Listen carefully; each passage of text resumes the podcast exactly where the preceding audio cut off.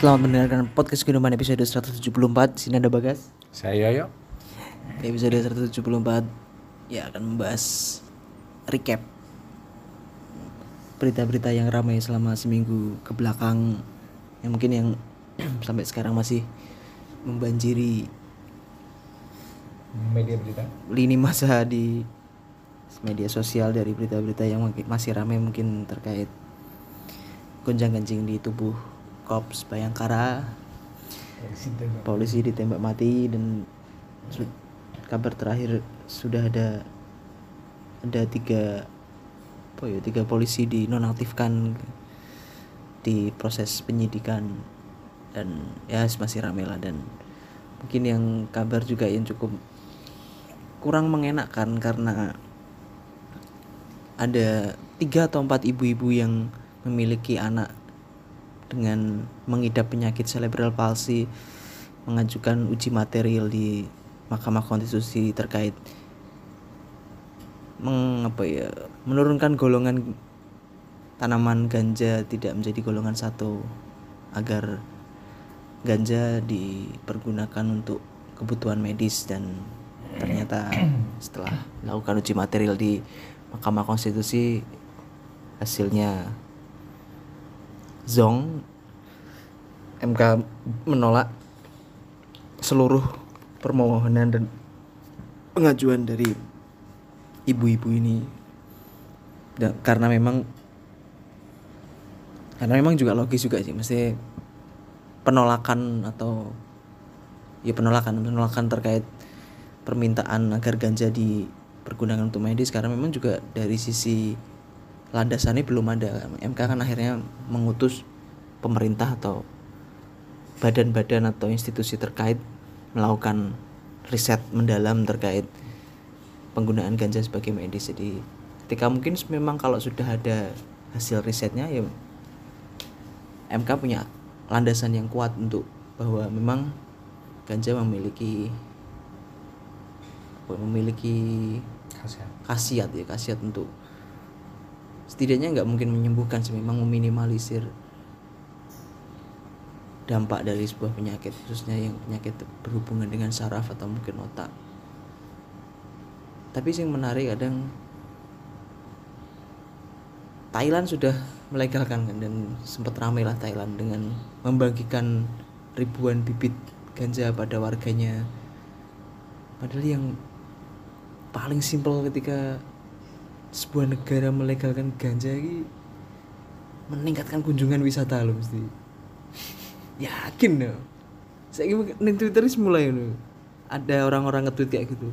Teman-temanku kok banyak yang ke Thailand ya Maksudnya jelas tujuannya cuma yus rekreasi untuk menikmati sebuah tanaman marijuana bersantai di pinggir pantai di Pulau Phuket atau mungkin di Pattaya atau di Bangkok Krangkop karena nama saya jenenge Bangkok Raklok leng bay, leng slim lady. Aji. Tapi uniknya ternyata di Thailand itu legal, tapi nggak boleh dibakar, nggak boleh dirokok buat dikero. Jadikan medis dan kuliner. Makanya nih kono kafe-kafe itu brownies ganja dan gami, gami ganja, permen kayak Yupi. Ya, bener. eh, menarik. Aku mau ngecek tiga deh. Ngecek dekatnya. Bisa tiga deh. PP 3 jutaan dan sing garai seru perjalanannya satu hari. Jadi satu hari transit di Singapura sekitar 3-4 jam transit lagi ke Phuket ke Phuket itu hampir setengah hari jadi setidaknya yang Phuket itu nginep lah tepat transitnya nginep baru kayak esokan harinya baru ke Bangkok.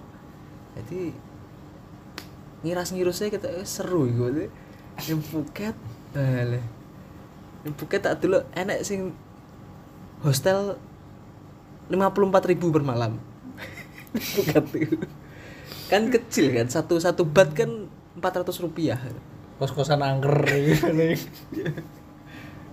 aja dan des dan Twitter wis akeh. Ya kok ning Instagram akun-akun Phuket Cannabis Cafe. Waduh guys. Gile gile lagi lo gak mikir kuwi kenapa sih lo dengan besarnya Indonesia ketika dari Sabang sampai Merauke wis legal uh. Katanya kemarin naik berita itu bener gak sih naik bule sing kleru ya? Eh sih kayak cerita kamu gak sih? Dia baru ke Thailand. Pas ning ning Indonesia cek nggo ganja. Dikira aturannya podo. Bukan bukan bukan aku. Ya dikira di- mengiranya aturannya sama. Akhirnya yuk di penjara di sini. Dipikir masih sesama Asia ya sama-sama Asia Tenggara mungkin. Kira sama ya. ganja gitu jadi yuk umik mari yuk totalitas tenan Thailand. Mesti ki pemasukannya kita paling kok wisatawan deh ya Hmm. Maksudnya dengan keindahan alam dengan pantai terus cagar-cagar sejarah candi-candi. sejarah rame budaya. Terus dengan lady boy lady boynya dengan judi judinya mana ini kan gile berarti masih kenapa gak mikir ngono? Ya enggak lah nih aku. Ya biar mikirku yo keluar negeri ku yo ya cuma ada dua kepentingan yang pertama syiar agama. Yang kedua ya pendidikan. Ngapain mau kau makai ganja harus ke Thailand? Berarti bukti kalau ganja itu mahal tuh keluar Thailand sih. 3 juta baru berangkat pulangnya. Belum nginapnya sama belinya. Tapi sing menarik iki malan. Eh eh, apa jenenge di MK gagal kan pertimbangannya karena belum ada landasan hukum berarti kan yang pertama kan harus eh, melakukan riset penelitian loh lah urung diuduno pe- penelitian sih piye no. Padahal selama ini wacananya yang beberapa kali aku pernah tonton di eh, konten-konten Instagram dan YouTube-nya LGN ya ya gimana mau riset ya? Landasan hukumnya saya belum. Masih golongan satu. Hmm, masih golongan satu. Memang ada untuk kepentingan riset tapi selama ini nggak pernah ada izin. Nggak pernah keluar izin itu no. Eh, cukup mengamati lah LGN nya. eh apalagi caranya gini loh nggak memang kalau nggak kalau nggak belum belum saat ini memang belum untuk penelitian. Belum bisa dilakukan penelitian karena undang-undang dasarnya wis golongan satu. Wis belum bisa no. kenapa nggak menggunakan rujukan-rujukan aja standar loh. Ketika contohnya setiap penelitian teman-teman mahasiswa pun minimal biasanya ada beberapa kampus yang menggunakan syarat minimal satu rujukan dari jurnal internasional. Sekarang kalau kalau ngomongin Indonesia nggak bisa melakukan riset, ya kenapa saya nggak mempertanyakan landasan negara-negara itu melegalkan apa? Saat durungi riset sendiri kan sebenarnya riset kan nggak harus kita lakukan. Toh skripsi pun juga pakai jurnal internasional, pakai penelitian orang. Kenapa nggak menggunakan landasan eh, yang dipakai mereka? Apa sih alasan negara ABC ini melegalkan?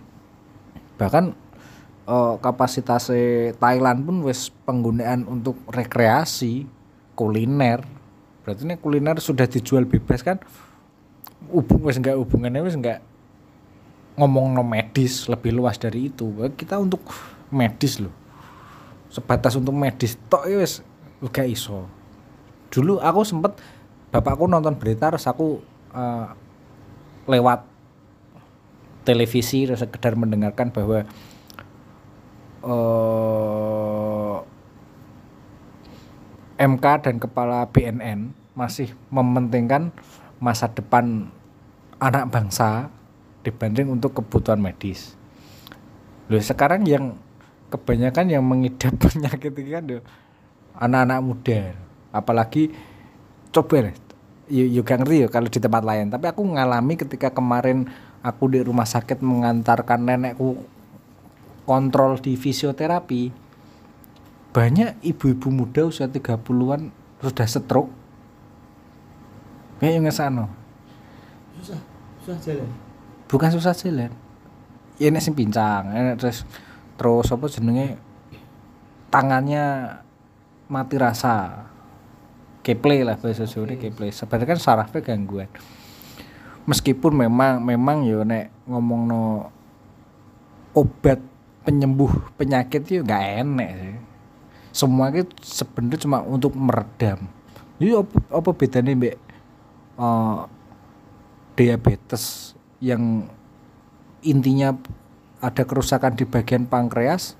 Salah satu terapi ini ya memang mengurangi gula kan ya pada mbak kuwi sebenarnya. Nggak ada yang menyembuhkan. Ya sama seperti ganja no. tapi dari inti inti penyembuhan kan sebenarnya enek istri- istirahat ya istirahat kanggo meningkatkan antibody lah untuk mempelajari penyakit istirahat. Karo apa nek sing hubungan dengan motorik kan terapi latihan. Ya salah satunya untuk membuat latihan mempermudah latihan kan ya obat-obatan itu no koyok pereda nyeri penghilang nyeri bios kan ya sebenarnya kan fungsinya kan gue meredam rasa sakit ya nggak menyembuhkan juga no ya di dilihatlah eh, alasan sejauh mana sih kayak Thailand itu sebelum digunakan untuk rekreasi termasuk New Zealand ya. New Zealand atau dia sing sadurunge di Eropa Eropa kok sudah. Eropa ya kok alasan untuk melegalkan ya opo ngono lho. Padahal Indonesia punya sumber daya alam melimpah khususnya ganja ki cukup kaya loh di Indonesia. Apalagi di ya Aceh ya ngomongin Aceh. Kemarin pas waktu pelatihan dapat penyuluhan tentang narkoba dari kepolisian dari pengalaman teman-teman eh, anggota yang pernah di Aceh itu lo ngomong Aceh ganja itu tumbuh seperti rumput di pekarangan. Gak perlu bagi-bagi bibit. Nggak perlu mereka bagi-bagi bibit tuh untuk perayaan legali eh, legalisasi kan bagi-bagi bibit. Indonesia nggak usah bagi-bagi bibit. Nyeper-nyeper dewi ngomong Aceh. Bakalan ke mana-mana apalagi kapasitasnya ya konon ya. Ketika dari buku hikayat pohon ganja yang pernah baca termasuk eh, podcast Dira selaku ketua LGN bahwa penggunaan ganja yang paling bois sih memang dihisap. Tapi bahkan kenapa kok di Thailand gak boleh dihisap? Kok malah jadi makanan? Padahal makanan itu cara yang paling buruk kok kayak- contohnya kasus Fidelis. Kan nggak mungkin eh apa almarhum istrinya mau merokok. Ya lewat dicampurkan lewat makanan. Memang kapasitas kebutuhan dia seperti itu. Beda kalau orang sing sehat terus bisa bekerja seperti kita. Dimangkat nih brownies ganja saya ngerti-ngerti setengah jam keple kakean. Langsung ngelimpro nyeleleng peci gak ya dari dira dari dira dari dira dari podcast LGN ya. Ngerti-ngerti gameplay gitu. ya. Kan konon dua tiga isepan cukup konon. Kalau itu itu kira-kira berapa lembar daun ya? Berapa gram lah. Jadi kalau di sayur sak kilo ya gak kerasa. Ngerti ini nyeleng peletes nyelipre padahal malah bahaya kalau dimakan sebenarnya. Ya, si apa yang ngasih penyuluhan itu sampai Iran padahal orang Aceh nggak ada yang nanam ganja. Ya semua tiba-tiba tumbuh. Ya sama lah seperti eh, bayam di beberapa tempat nggak perlu ditanam. Tiba-tiba muncul ya iku wae di peyek di jangan menir nggak usah beli bibit. Nah, kalau orang-orang sampai bagi-bagi bibit kan karena itu harus dibudidayakan. Beda dengan Indonesia yang muncul seperti rumput itu ajaib kita sangat ajaib memang Indonesia itu cocok di negara paling santai di dunia karena punya itu. Makanya ngomongin soal riset itu nggak nggak perlu nggak perlu sampai apa ya? Harus kita sendiri bisa pakai rujukan-rujukan yang sudah dilakukan di beberapa negara. Intinya lo baca baca. Memang baca riset membosankan. Yo baca berita-berita wae uh, bahkan sekarang di Inggris pun wes enek iku kan apa pusat pengolahan ganja medis terbesar kan di, di Inggris dengan kono. Bahkan Snoop Dogg pensiun ngerap mamang ganja cuan tetap jalan. Mike Tyson. Apalagi kalau dikelola negara. Ya mending ganja timbang rokokan. Gitu. Kan negara kan lebih untung.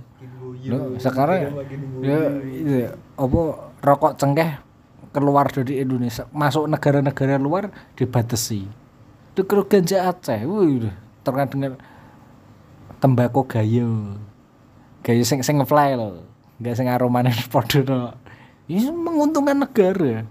Apalagi uh, di buku Hikayat Pohon Ganja itu iki ganja Aceh yang mem, yang tumbuh di daerah tropis itu memiliki khasiat medis yang lebih tinggi daripada ganja-ganja di subtropis. Masalahnya apa? Karena ganja adalah tanaman yang pintar. Tanaman toy pinter gitu. Tanaman pinter dilarang. Kayak iso no masyarakat ya tanaman pinter mereka lah gitu. Itu uh, memiliki apa ya bisa memunculkan cairan dari batangnya untuk menjaga kelembapan. Ya cairan itulah yang memiliki kandungan kanabinol kanabinoid kanabinoid yang mem, yang mampu memberikan efek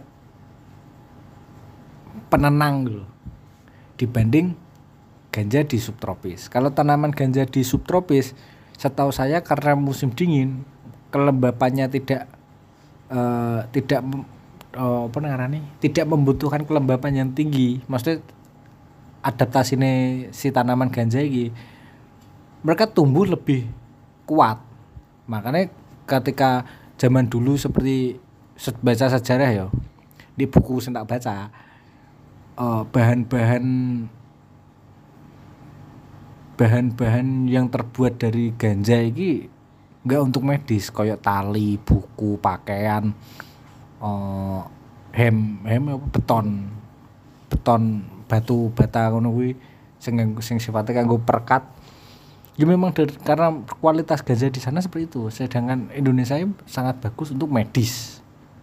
Sentak dari sentak baca. Ya. Makanya kok ya kenapa harus melindungi dengan dalih melindungi masa depan anak bangsa padahal masa di masa depan kita membutuhkan itu. Kan kebutuhannya untuk medis. Nggak usah wes kanggo rekreasi dijual bebas nggak usah wes podo karo iku loh uh, penjualannya terbatas loh beringin aku nak radio ki ngrungokno iklan iku lho.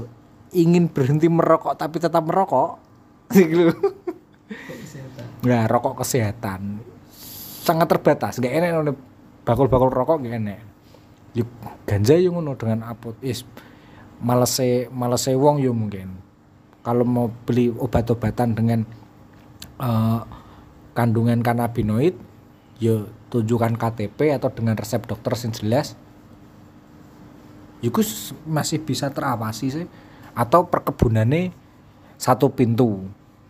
Sopo sih saya wong umum sing iso mlebu metu Pertamina gak enak sembarangan to lha gawe kebun ganja rong hektar kanggo penelitian lah yo. Wes. Lu dengan dengan dengan keadaan ekonomi seperti ini gak gak ada tuku. Angel angel aku juga bakal tuku. Angel angel mana mending di- diteliti sih nek nek ditel- nek gak iso neliti yo ikulah legislatif itu perlu lah baca-baca rekomendasi Kuwi sih eh. sementara no. soalnya yo ora kanggo kebutuhan rekreasi yo Iya dan alasan BNN kekeh tetap menolak walaupun untuk medis ya karena alasannya pegangannya dia cuma WHO membebaskan sebenarnya soalnya mesti kan WHO kan memang sudah mengeluarkan ganja dalam golongan obat-obatan terlarangan. Tapi terkait regulasi gak ono kewajiban lah. Mesti WHO gak mewajibkan semua negara untuk melegalkan ganja dan jadi dikembalikan lagi ke negara-negara masing-masing untuk melakukan riset atau apa yang memang dari sisi kebutuhan memang butuh. Tapi ya sulit nih memang pola pikirnya masih menganggap bahwa melihat ganjanya dari sisi negatifnya dan padahal yo maksudnya di obat bius pun kan yo pasti kan yo psikotropik psikotropika kan maksudnya. Obat-obat bius itu loh kenapa ganja nggak bisa dan ayo. Kan ganja nggak diproduksi kayak obat-obat bius selama ini. Khususnya di Indonesia. Mungkin kita obat bius apa heroin yuk beli tuh ini lah nandur di ngatasi. Terus de- untuk khusus untuk Aceh. Bahkan yang dari waktu pelatihan aku diceritain. Di sana diperbolehkan di Aceh. Nggak ngerti pakai undang-undang apa. Jari ini ya mungkin secara budaya itu memang nggak masalah. Misalnya gini eh, di salah satu warga itu masak asem-asem eh dipetik no si tok. Tek. Di pekarangan rumah dipetik dimasukkan. Yo wes no. Tapi memang untuk pengeringan nggak boleh. Jadi tidak boleh dikeringkan. Itu penggunaannya secara budaya kanggo kanggo apa jeneng kok? Koyo apa masakan Padang loh. Ya sapa sih sampai mangan utek sapi no. Tapi masakan Padang kan yo gawe to. Yo padha mbek padha mbek Aceh nek nganggo daun ganja kuwi. Nek wong Jawa kan gak asem-asem gak godhong dondong. Nek wong kono gak ganja mungkin gak mungkin gak godhong ganja, padha ganti godhong pring. Enggak enggak mungkin. Nek ngono-ngono yo yo sebatas kuwi tok wis. Memang untuk pengiringan nggak boleh karena karena apa mengeringkan itu pun setelah kering kan peredarannya susah diawasi itu. Makanya memang nggak boleh, ya nggak popo. Ah. Maju sidik gak kelnan itu. Nah, yang ngono gak pengen kunjungan wisata dhuwur. Gak pernah ditanya, Babi. Kenapa teman-teman itu kok nggak wisata ke Indonesia? No? Nah, jawabannya lah, because marijuana can Illegal. ya illegal. I can smoke marijuana. Makanya udah lihat di Belanda penjara sampai sepi. Ganja mesti. Wi. Boyo gak gak patu gak apa penting boyo Diparani debt collector, so kuwi sit salinting kayak situ gegeran. Kayak situ gegeran. Balik lali ya. Lupa lagi. Iya, kepekaannya kurang ya. Melihat kondisi dan fakta-fakta yang wis ono kadang kan mikirnya sebagai orang sipil bersuuzon aja seolah-olah kan merawat iku terus sampai hilang bahwa kriminalitas sih dirawat ben terus sampai entek. Bola nek wis. Nggak tahu lagi lah maksudnya. Kelanjutannya memang bakal ada riset-riset. Soalnya kan kemarin kan yang cukup mencengangkan kan yang bikin rame kan soalnya kan wa- wakil presiden langsung meminta MUI kan carikan fatwa untuk ganja medis terus menteri kesehatan juga akhirnya sudah mulai where Wah, berarti kan tinggal nunggu itu aja cuma cuma berbarengan dengan ada uji material di MK tapi MK gara-gara memang nggak punya landasannya akhirnya ya punya alasan untuk mengesah ah, untuk untuk untuk untuk mengabulkan permintaannya. Ibu-ibu yang punya anak cerebral palsy dia mungkin ya dalam waktu sebelum 10 tahun lah paling wis ono mesti sudah sudah ada dan merasa bahwa itu butuh dan mungkin aja orang-orang tua yang sekarang menolak udah dut Tapi ngenteni 10 tahun yo nyawa sing Iya, iya. akeh. Saya butuh obat. ya terutama ya stroke ya stroke memang stroke genetik ya Enggak. Eh. Iya ya. Koyo ya lho. kan kan kan ya kayak nek palingannya kan ya stroke epilepsi ya kan Hmm. cerebral palsy apa wi? Sindrom apa? Alzheimer. oh demensia ngono gitu ya Heeh. Itu ada orang sing pikun pernah aku sing orang lo iki lho kejang terus dia uncontrol ya Parkinson dengan setetes itu sehari lu bisa ngontrol tenang lungguh tenang. Ini nggak usah cilik-cilik selama ini kan kesane oh apa ya teman anak-anak kecil sing baru ketahuan autis itu loh kan paling nggak bisa ditenangkan iku. Untuk kan iku yo kebutuhannya kanggo mempermudah memasukkan pendidikan ke si autis ini kan. Karena memang masalah orang autis kan susah fokus susah belajar. Ya memang ngono kuwi.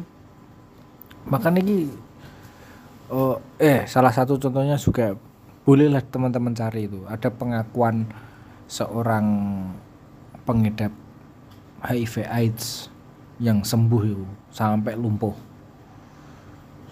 Gara-gara apa menggunakan ganja ini akhirnya dia berani untuk menggunakan fisiknya sing jari ini nyeri semua sakit-sakitan saya wong lumpuh i, naik kursi roda kakinya lumpuh mau wani sih arep nganu apa sini nengarane belajar berdiri kan masih takut sakit jatuh no.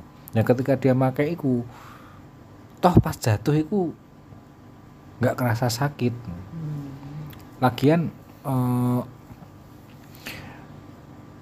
dari ini ya dari dari katanya buku yang saya baca no.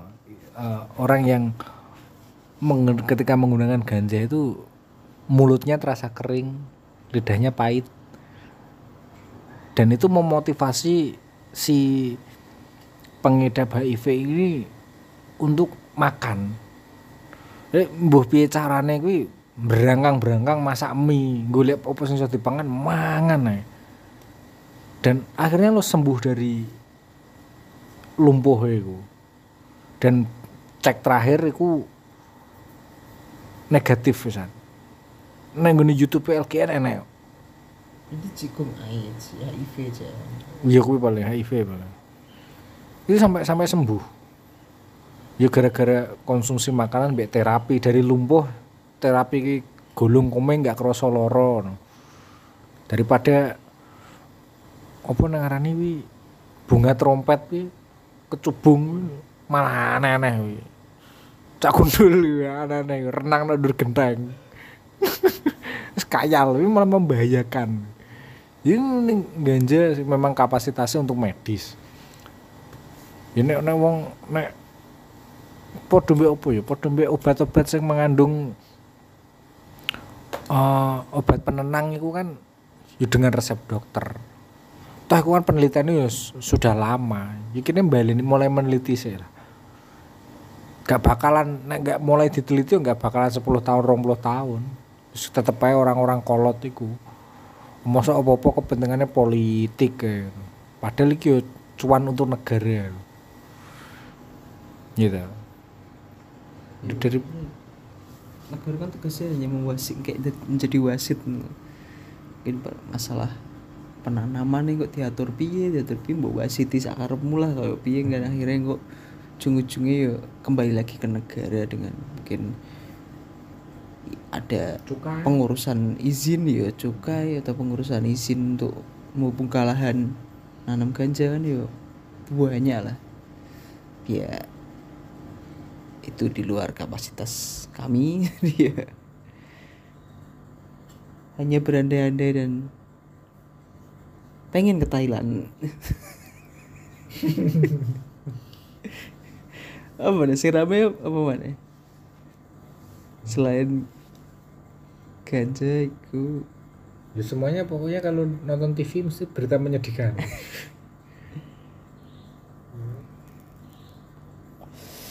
mana cara? Pembulian SD, terus polisi tembak polisi, orang. Yang ramai. iya dan mungkin sih mungkin cukup rame masalah Citayam Fashion Week gitu. Oh, ya di Sudirman itu menyita perhatian ten- banget Jakarta memang menurutmu piye bro? apa nih apa nih sih Sing dari rame ya betul. Kok akeh pro kontra? Apa karena bukan orang daerah situ terus mengotori ngono kuwi? iya paling gue paling maksudnya eh, mirip karo iki lho. Nek nang Bojonegoro kuwi iki jembatan sastra di logo ini nang Bojonegoro tapi sing ngerameni kan herek-herek Jatirogo karo Bloro cepu. Apa koyo ngono kuwi? iya mungkin iya kayak ngono Ya mungkin iya sih. Aku gak seneng sih. Ora apa sih wong adadar ini. Ya nek wisata gak apa-apa. Tapi ngreng-ngreng-ngreng lho, herek. dan masalahnya kan jalan ya Herek ngerameni. Ya terserah lah jalan apa Gak, enggak. gak, gak, gak, gak public space itu public space Ya public space. iya public space ya. Cuma kan iku ya dalan. Terus ya ngapain sih geng motor suaranya berbeki no. Dan iku nek konteks di gone Bojonegoro, nek gone Citayam iki yo kalau sang nek dibanding kasusnya di jembatan Bojonegoro ki wis jelas kayak sebanding karena di sana kan termasuk kreatif tuh sebenarnya. Mungkin mungkin yang keganggu sing pas sing jelas adalah pengguna jalan raya. Kendaraan-kendaraan yang lewat. Selain itu ya mungkin eh, karena punya lingkungannya punya brand kawasan elit ada acara-acara di jalan kan terkesan acara liar tuh ini. Karena di jalan nggak nggak terkoordinasi terkoordinasi di dalam gedung atau lapangan. Yang sendiri ganggu sih. Padahal ya sebenarnya ki yo yo piye ya kok. Kreatif kreatif yo kreatif tapi ya dibilang dibilang aku nek menilai yo norak eh. norak soalnya nggak nggak nggak apa ya nggak terkoordinasi dan random akhirnya. Random. Tapi kan awakmu seneng tau hal-hal sing organik ngono kuwi. Itu aku aku melihat ini sebenarnya buktinya ya si siapa? Bongek jadi sukses. Bongek akhirnya muncul oh, teman-teman bisa ngonten bisa sharing. Ya. memang aku tuh seneng acara kumpul-kumpul cuma wadahnya no dari sudut pandangku sekarang no norak. Meskipun beberapa orang mungkin melihat aku ya pernah norak ya. Emo-emonan ya norak ya. Ya nggak apa-apa no. memang erane gentenan. Aku dulu ya pernah norak sekarang melihatnya norak meskipun itu kreatif. Toh di era aku ketika dikatakan norak wi emo-emonan ya di gune eh, apa fashion atau skena musik ya kreatif no. Baru soalnya. Mau melihatnya itu yo seneng-seneng gue kontennya teman-teman di TikTok wi sing kontenin anak-anak Citayam yo asik-asik wae. Meskipun sing aku sendiri aku gak seneng yo rusuh e lho.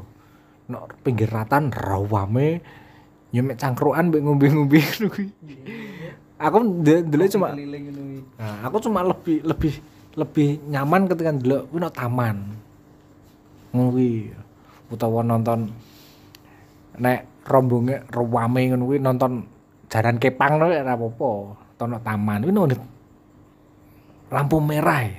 ya memang kreatif tapi yang ganggu pengguna jalan ya gak sih iya kan iya dong anu ya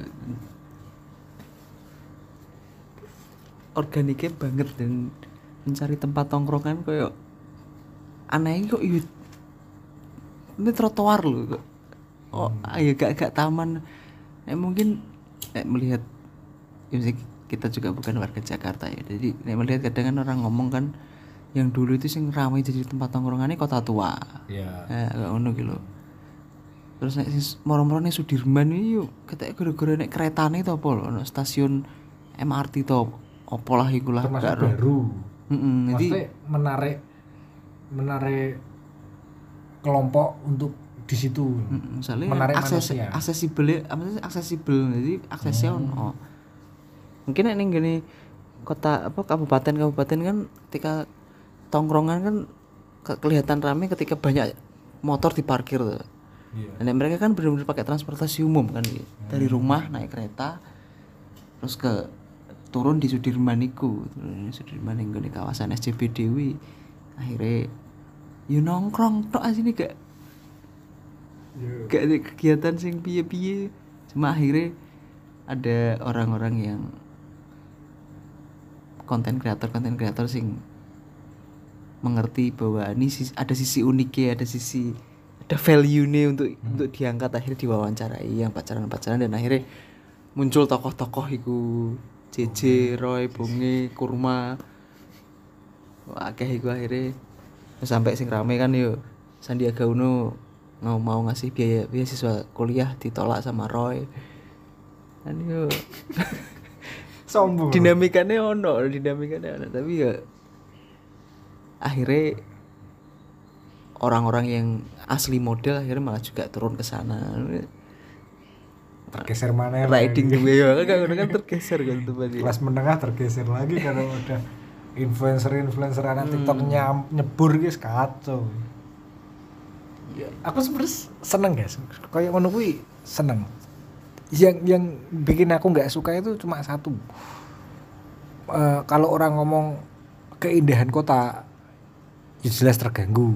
Masalahnya kan sampai enak sing tidur ngene trotoar ngene daerah situ. Yo, jalan kereta biasanya dia Nah, aku yo yo ganggu sebenarnya. Nek aku yo pernah tidur ngene ruko yo pernah, cuma nek no trotoar langsung buk lembang kaya omahe dewi wis base camp kan yo yo saru. Nggak ngono, tapi nek ketika menjadikan sebuah daya tarik atau kumpulan itu yo yo aku sangat seneng aku ngono. Entah apa pun itu.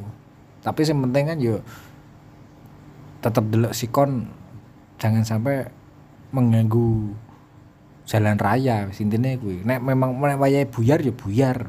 Nek sampai tidur tidur kan sebenarnya ganggu tuh bukan karena bukan ngomongin keindahan kota tapi ganggu ganggu pejalan atau akses opo salah satu meredamnya yo kembali sekolah offline nih aku udah sekolah racang eh bedino meskipun aku aku seneng sesuatu sing iya tapi sifatnya organik dan akhirnya kan menghidupkan. Tapi mulai senin kemarin gue sepi ya Nusa gara-gara sekolah mereka waduh beda sekolah sekolah. orang gue buku gue salin. Iya. mulai sekolah nongkrong. Nongkrong. Ya gak apa-apa tuh seperti ngerti waktu deh gitu aku seneng se- sesuatu yang organik itu dan pasti menghidupkan apa ya ngarani? Kalau bahasa-bahasa nih wong-wong eh, spiritual kan kadang kayak di stasiun kayak di stasiun Jepang itu dianggap rame tapi nggak ada kehidupan. Jadi sesuatu yang organik ini mesti koyo enek nyawane gitu, enek energi nih gitu, bergerak. Tapi kan yo koyo membawa apa bakul-bakul no kono laris wong iso dodolan. Cuma kapasitasnya ki nek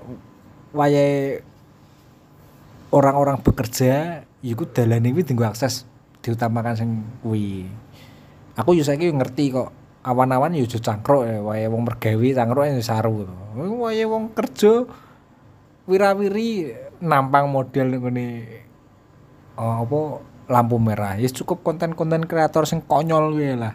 Sing ngonten one abang ijo. Tapi yo ojo sampai rame ngono kuwi. Ya intine kuwi tok sih. Ngerti waktu meskipun dan aku seneng sebenarnya dengan adanya mereka. Tapi aku nggak seneng nek adanya hal seperti itu di sini.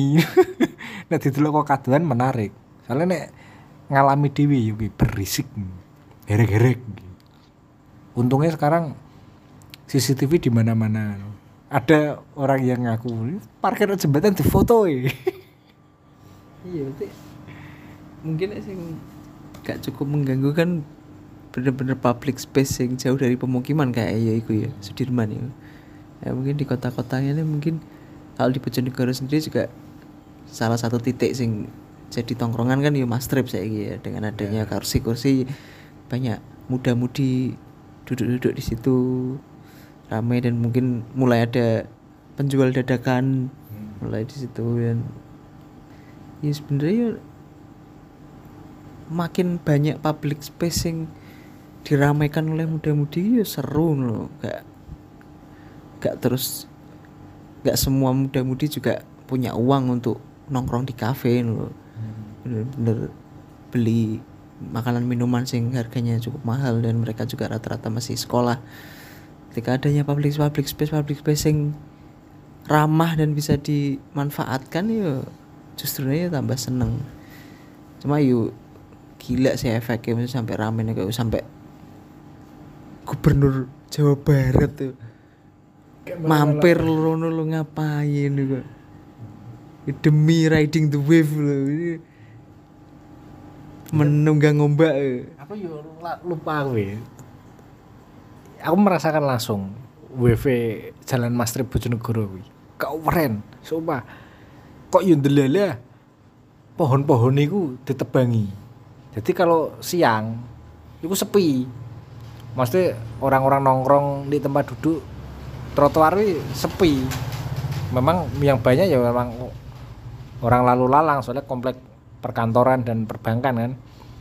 Tapi kalau malam ya rame. Iku sing aku seneng. Jadi semacam apa ya?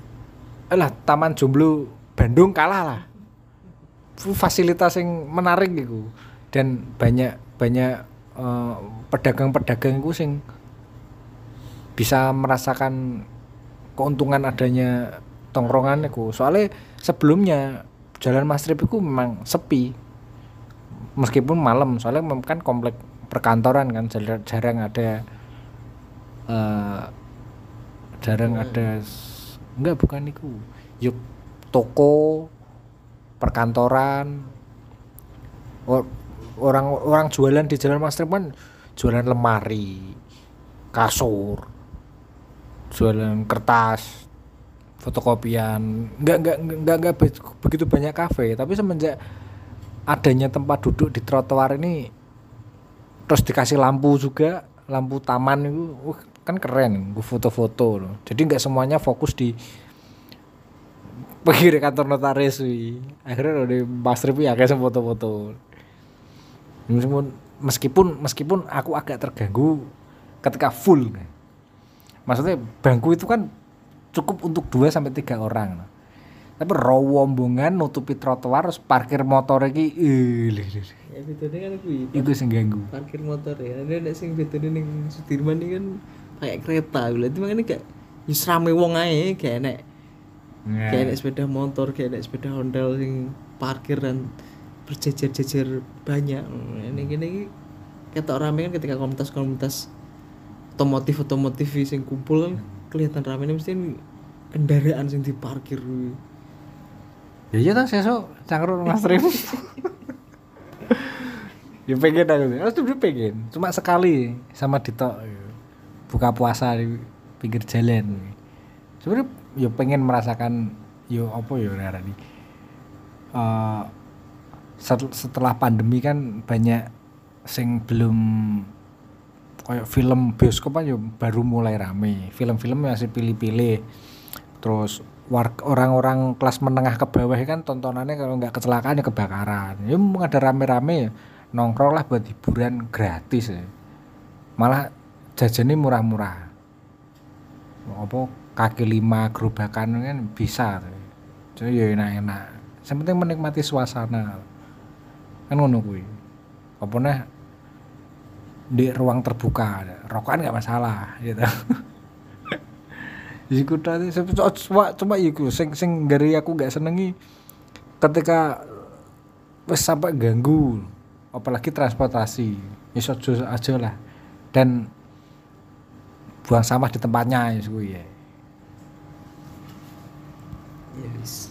Cukup, ya. Kayak sing baru-baru ini ramai kan wis cuma itu itu aja nggak belum ada yang terlalu signifikan untuk dibahas lagi. Oke. Sampai jumpa di episode selanjutnya